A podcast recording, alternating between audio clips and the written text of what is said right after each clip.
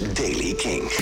Van deze maandag 8 januari 2024. In deze podcast hoor je elke dag het laatste muzieknieuws en ook de nieuwste releases. Vandaag is er onder andere nieuws over hoe het nou is bij Paramore en je hoort nieuwe muziek van Wilco. Jasper Leidens. Want er is nog wel wat gaande in de wereld van de band Paramore. De band is naar verluid bezig met een nieuw hoofdstuk en direct ook een nieuw platencontract.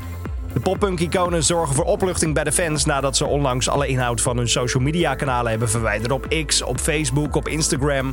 En de officiële website was weg, die gaf een 404-melding. Eerder hadden ze aangegeven dat er een soort van onzekerheid was over de toekomst na het voltooien van hun This Is Why tour. Nu hebben ze volgens Variety, een internetplatform, gezegd dat ze geen plannen hebben om te stoppen. Maar ze willen juist een frisse online start maken na het vertrek bij hun platenlabel Atlantic. Het is nog onduidelijk of ze een nieuw platencontract al getekend hebben of ze blijven onafhankelijk voor nieuwe releases. Maar goed nieuws, Paramore blijft bestaan.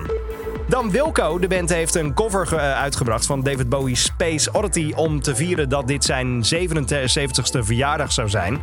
Het is een live opname van de cover. Het is een volproefje op een nieuw compilatiealbum van, uh, van, een, van, een, van een Amerikaans platform met alleen maar live optredens genaamd Live on Mountain Stage. Daar komt Margot Price op te staan, John Prine, John, uh, Jason Isbell en dus Wilco. En de versie van Space Oddity van Bowie klinkt in de versie van Wilco als volgt.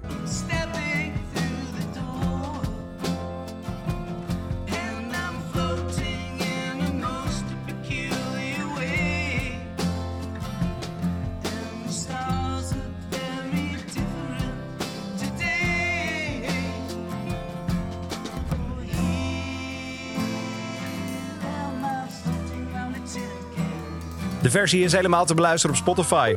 Tot zover deze editie van de Daily Kink. Elke dag ben je binnen een paar minuten bij in deze podcast. Maar op de radio gewoon in vier uur lang. De allerbeste nieuwe muziek bij Kink in Touch. Elke dag het laatste muzieknieuws en de belangrijkste releases in de Daily Kink. Check hem op kink.nl of vraag om Daily Kink aan je smart speaker.